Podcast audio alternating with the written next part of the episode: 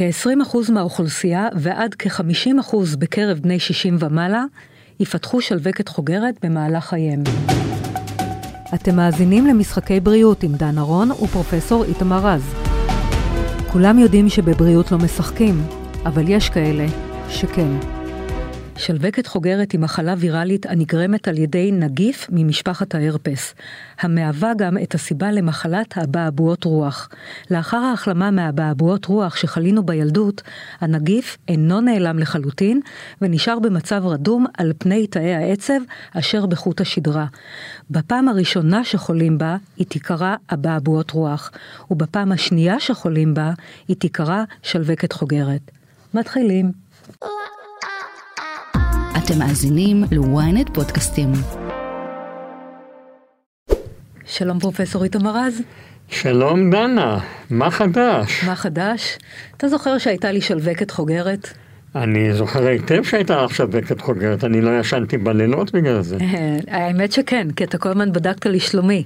ברור. אנשים לא יודעים שכמה שאתה פרופסור באמת אה, מהקרם דה לקרם של הרפואה בישראל, אתה לכל מטופל, לא רק כי אנחנו חברים, נותן את המקסימום, שלי כבר לא היה נעים, כי כל הזמן התעניינת מה שלומי. שזה ראוי לשבח. אני חושב שזה חובתו של כל רופא. רפואה זה שליחות. ו... הוא באמת חושב ככה, אתה צריך אמיתי. לזכור בכל מטופל שלך לתת לו את המקסימום שאתה יכול. אבל אתה זן נדיר, אני באמת אומרת את זה בפה מלא לכל המאזינים והצופים שלנו, לא סתם התחברתי אל פרופסור איתמר רז. בכל אופן, אה, פרופסור רז. אז ככה, אז אני זוכרת שבהתחלה היה לי כאב מאוד מאוד מאוד חזק.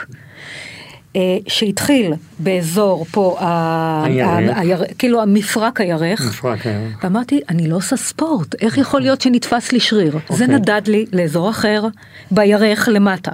אחרי זה זה עבר לירך אחורה.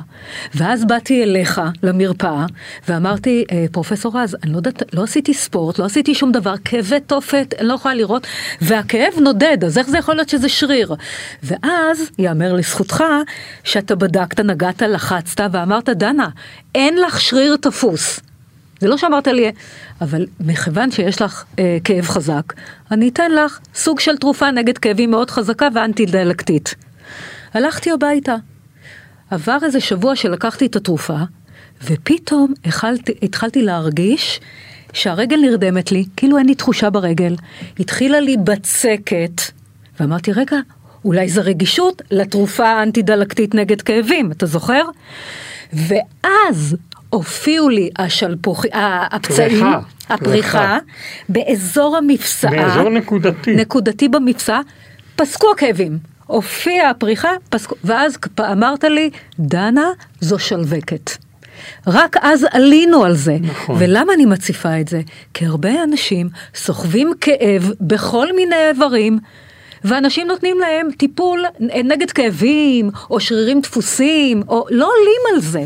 אז אה, פרופסור רז נמצאת איתנו היום, אה, מישהי שתעזור לנו מאוד, זה תחום ההתמחות שלה. שלום לך, דוקטור עדי נוסרתי, רופאת עור בכירה בבית חולים בלינסון, מנהלת מרפאת רעילות עורית במרכז הסרטן דוידוף. שלום לך ותודה שהצטרפת היי אלינו. דנה, שלום. אז שמעת הקדמה שלי. אה, בוא נתחיל עם זה, מהי שלווקת חוגרת? אז שלווקת חוגרת היא נקראת באנגלית הרפס זוסטר. זו בעצם מחלה שנגרמת מווירוס של משפחת ההרפסים, שבעצם זה אותו וירוס שגורם לאבעבועות רוח, והוא נשאר בתרדמת לאחר ההדבקה באבעבועות רוח בילדים, ובאיזשהו שלב בחיים הוא פורץ כשלווקת חוגרת, כפריחה ממוקמת באזור מסוים עם כאב עצבי כפי שציינת, ושלפוחיות, תמונה שיכולה להיות מאוד קשה וחמורה וחריפה. אני רוצה להוסיף משהו. כן.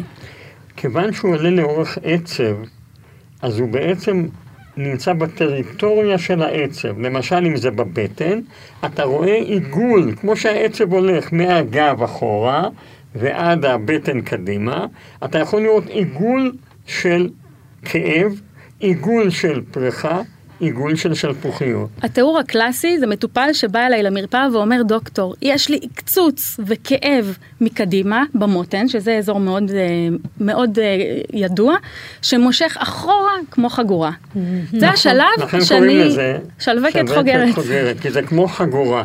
אבל זה יכול להופיע בעוד מקומות, פרופסור. זה יכול להופיע בכל מקום בגוף, אבל הקלאס, זה יכול להופיע בפנים, שאז זה גם יכול לסכן את העיניים, זה יכול לערב את העין, זה יכול לפגוע בקרנית. לרוב זה לא גורם סכנה, אבל זה כן גורם כאב קשה. וסבל. סבל קשה שיכול להימשך ימים, שבועות, אבל אצל לא מעט אנשים גם חודשים. זה האזור שהוא כן. הכי שכיח, זה אזור החזה, המותן והגב, בעצם אזור הגב. אבל גם אני רואה לא מעט באזור הפנים, ובאזור הפנים זה מאוד בעייתי, כי גם לפעמים קשה לאבחן. מגיע מטופל ואומר, יש לי כאב בצד שמאל, חד. חזק, אז הוא מקבל באמת טיפול משככי כאבים והולך הביתה, ורק כשפורצות השלפוחיות, אנחנו מבינים שזה באמת הייתה שלפקת חוגרת. אותו כאב ראש שיש למטופל, מגיע למיון עם כאבי ראש מאוד מאוד חזקים במשך ארבעה ימים, ואף אחד לא יודע ממה זה נגרם, ואז מגיעות השלפוחיות. האם, האם בזמן שהופיעו השלפוחיות, איחרנו את המועד מבחינת התגובה לטיפול התרופתי? אוקיי, אז לא. וזאת נקודה מאוד חשובה.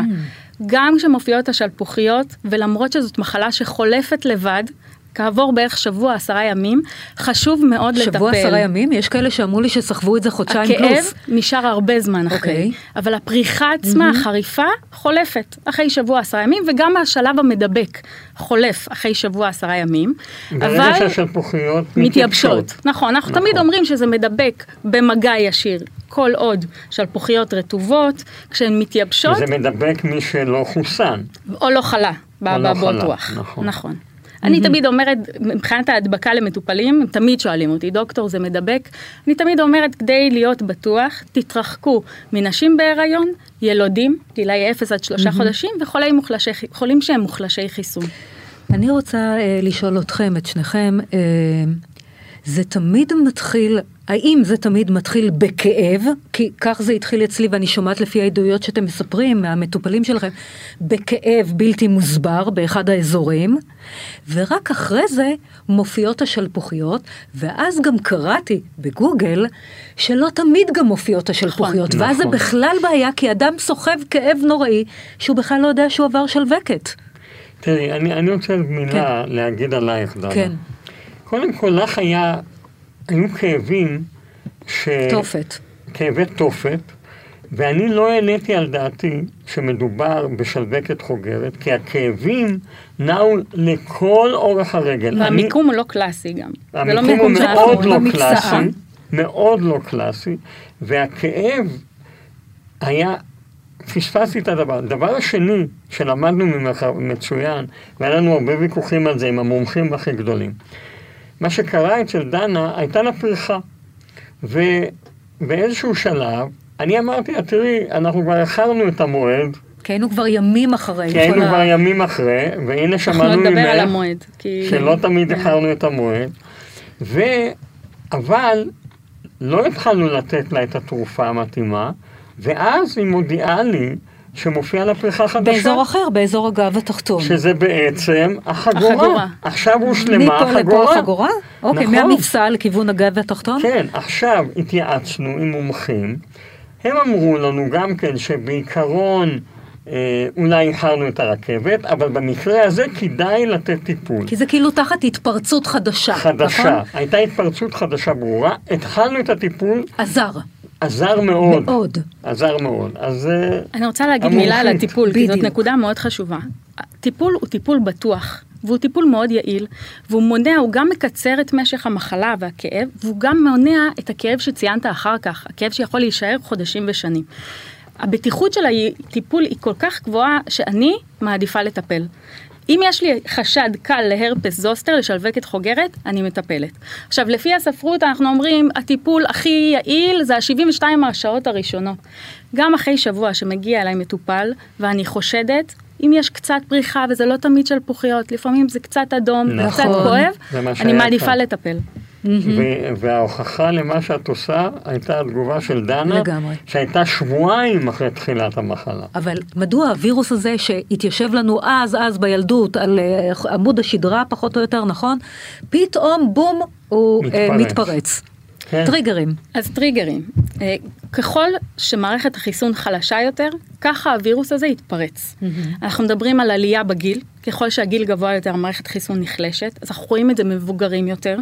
לכן החיסון שנדבר עליו מאוד קריטי בגילאים המבוגרים יותר. עוד uh, טריגרים זה לחץ נפשי.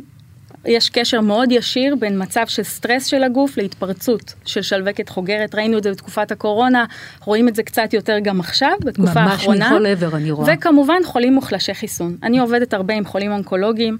מוחלשי חיסון, מחלה שמחלישה את החיסון, או תרופות שמחלישות את מערכת החיסון, הם בעצם האוכלוסייה הכי בסיכון לשלווקת חוגרת. מה אני? רוצה לציין על זה משהו שלא קשור, כי אתה העלית את זה בפודקאסט אחר. יש לנו בגוף שני איברים שמשחקים פינג פונג אחד עם השני. לאחד קוראים מוח, ולשני קוראים גוף. הגוף משפיע הרבה מאוד על המוח. המוח משפיע הרבה מאוד על הגוף.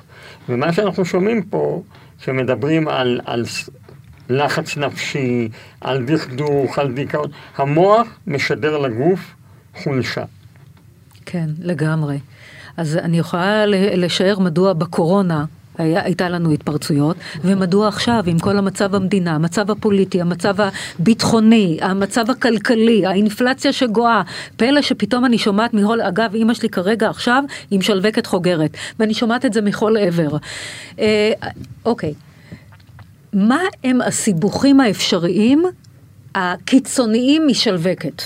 אז לפני הקיצונים, הסיבוך הראשון שציינו, אוקיי. שהוא הכי שכיח, 20% מהמטופלים, זה נקרא פוסט-הרפטיק נורלגיה, זה הכאב שנשאר הרבה זמן אחרי. עכשיו, הסיבוכים קדימה הם סיבוכים שקשורים לעצב שמעורב, כמו שפרופסור רז אה, ציין, אם זה פגיעה בעין, פגיעה בראייה. בחולים שהם מוחלשי חיסון, יש גם סיבוכים הרבה יותר קשים.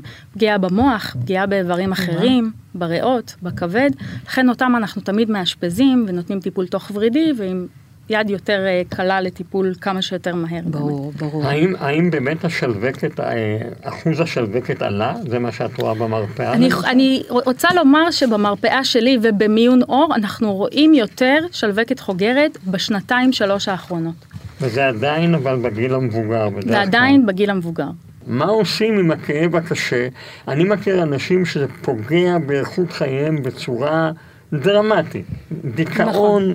כבד, חוסר יכולת לתפקד, כל זה מהכאב הזה. איך מתגברים על הבעיה הזאת? אז דבר ראשון, הכאב, כפי שציינתי, הטיפול עצמו הוא מאוד חשוב כדי להוריד את השכיחות של ההתפתחות של הכאב אחר כך. אם הוא מופיע בהמשך, אז הוא, זה כאב קשה.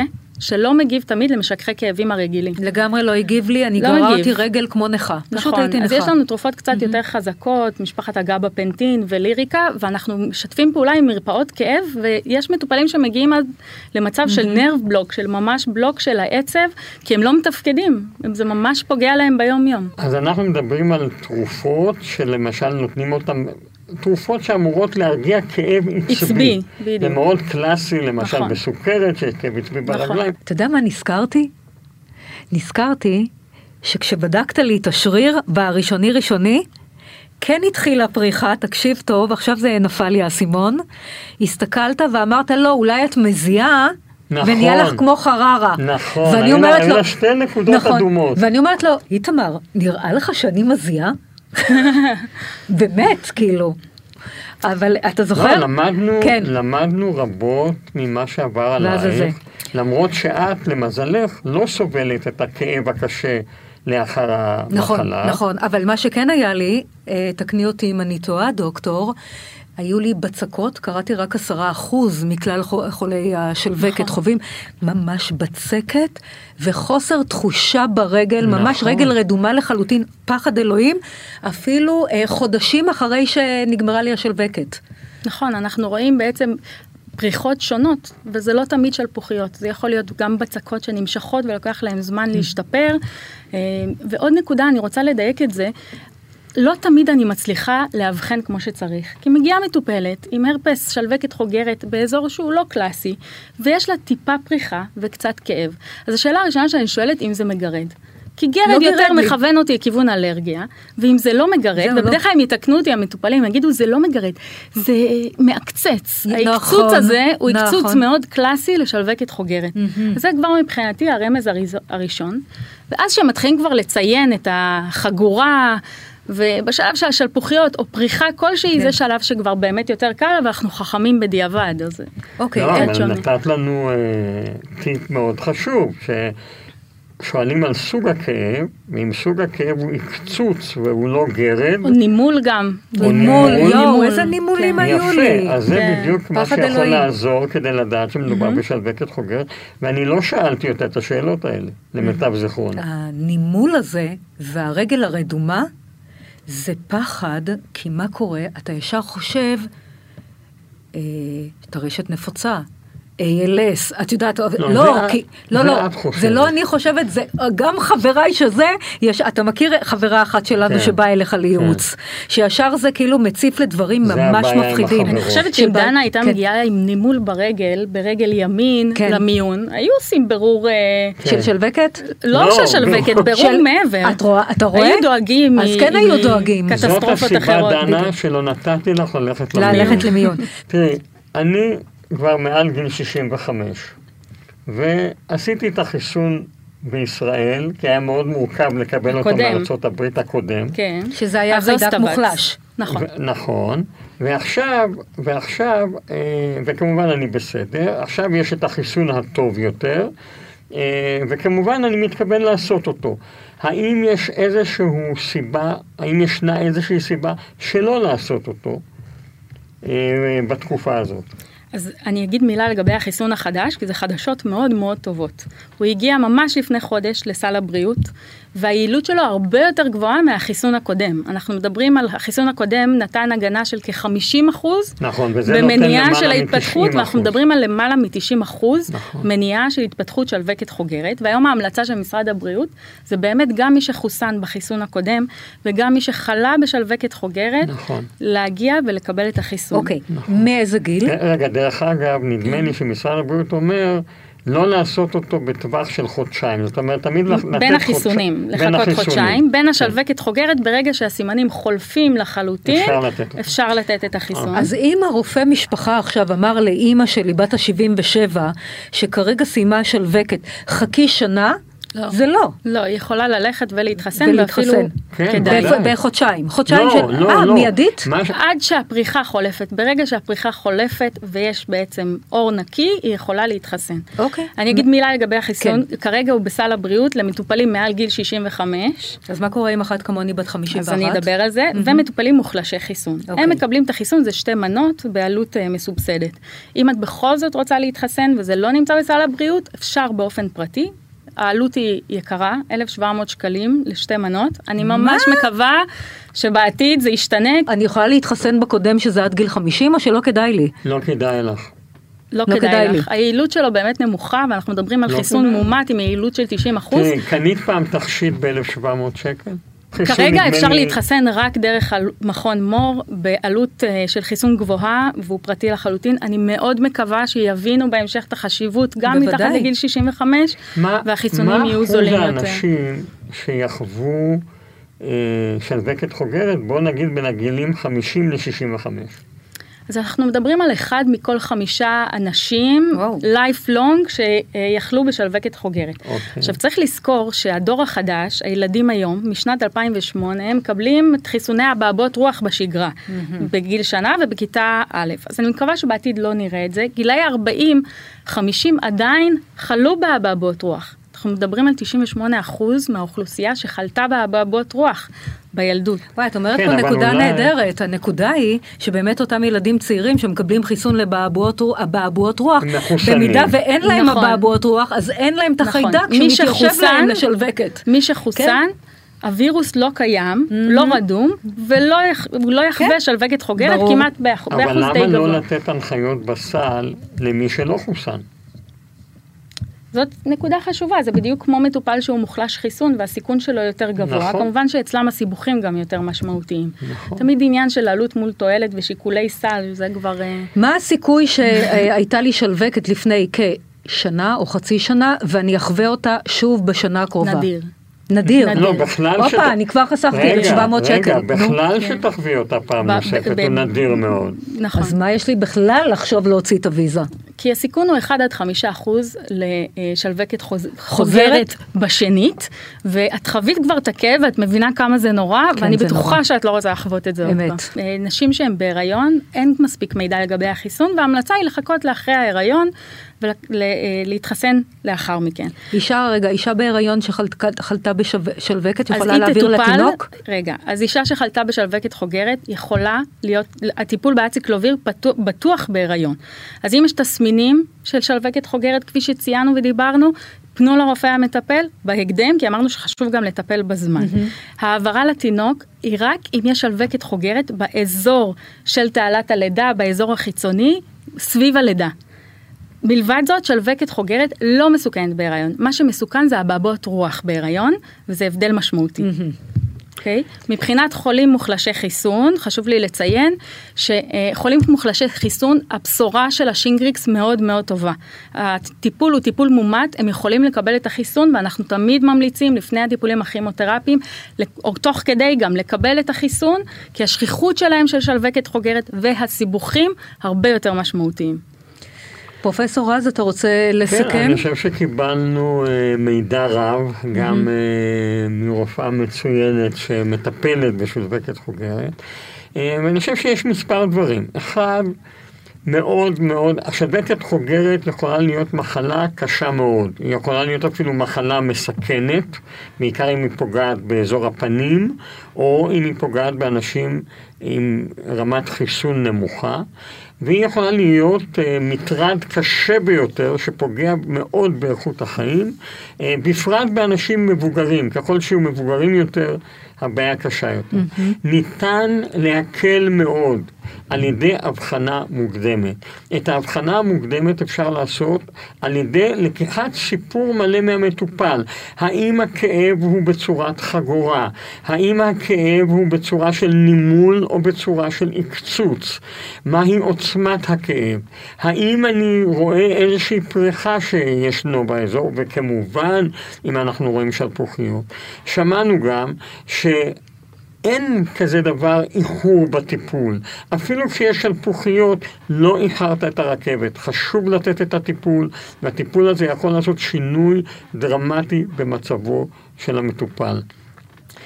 לסיכום, מחלה נפוצה מאוד, כנראה עלתה יותר בעשור האחרון או בחמש השנים נפשי האחרונות. על רקע חיסון. הנפשי, כן, ראינו שזה מאוד יותר. קשור גם לרקע הנפשי כן. או למ- למצבי לחץ, ויש אפשרות על ידי זיהוי מוקדם שלה לשנות בצורה דרמטית את המהלך שלה, ולכן הדבר החשוב ביותר זה לזהות מהר ולטפל מהר. והרבה מהאנשים האלה לא יגיעו לרופאת העור המומחית, הם יגיעו לרופא המשפחה, וחלק גדול מהם לא יגיע לאף אחד. הם יסבלו יום, יומיים, שלושה. יום, יומיים, שלושה, לך, בוא, או יותר, אה, הרבה יותר. עד שיאובחנו. אם יש לך כאב מוזר, בלתי מוסבר, בעיקר באזור הגוף, הבית החזה, המותניים, אם יש לך כאב מהסוג הזה, והוא לא עוזב אותך תוך 24 שעות, ויש לך עקצוץ ויש לך נימול, תזכור שיש סיכוי סביר שיש לך שלווקת חוגרת, ופנה בהקדם לרופא. ותגיד לו שנראה ולטיפול. לי שיש לי שלווקת חוגרת. נכון, ותגיד לו, כן. מכיוון שהרופאים הטובים ביותר עלולים לפעמים אה, לא לעלות על הנקודה. תודה רבה לך פרופסור איתמר רז, תודה רבה לך דוקטור עדי נוסרתי. אה, אנחנו ניפרד גם מהצוות שלנו, המפקח הטכני טלת חדיה, הבמאי גידי ישראלי, המפיקות קשת מאירוביץ' וניצן כהן, והעורכת אגר כוכבי. תודה רבה. תודה רבה. תודה שהאזנתם למשחקי בריאות עם דן אורון ופרופסור איתמר רז. מדי שבוע מחכים לכם שני פרקים חדשים בוויינט, ואתם מוזמנים ומוזמנות לעקוב אחרינו ולקבל התראות לפני כולם, בספוטיפיי, באפל ובכל אפליקציות הפודקאסטים. ואם אתם כבר שם, נשמח אם גם תדרגו אותנו. נתראה בפודקאסט הבא.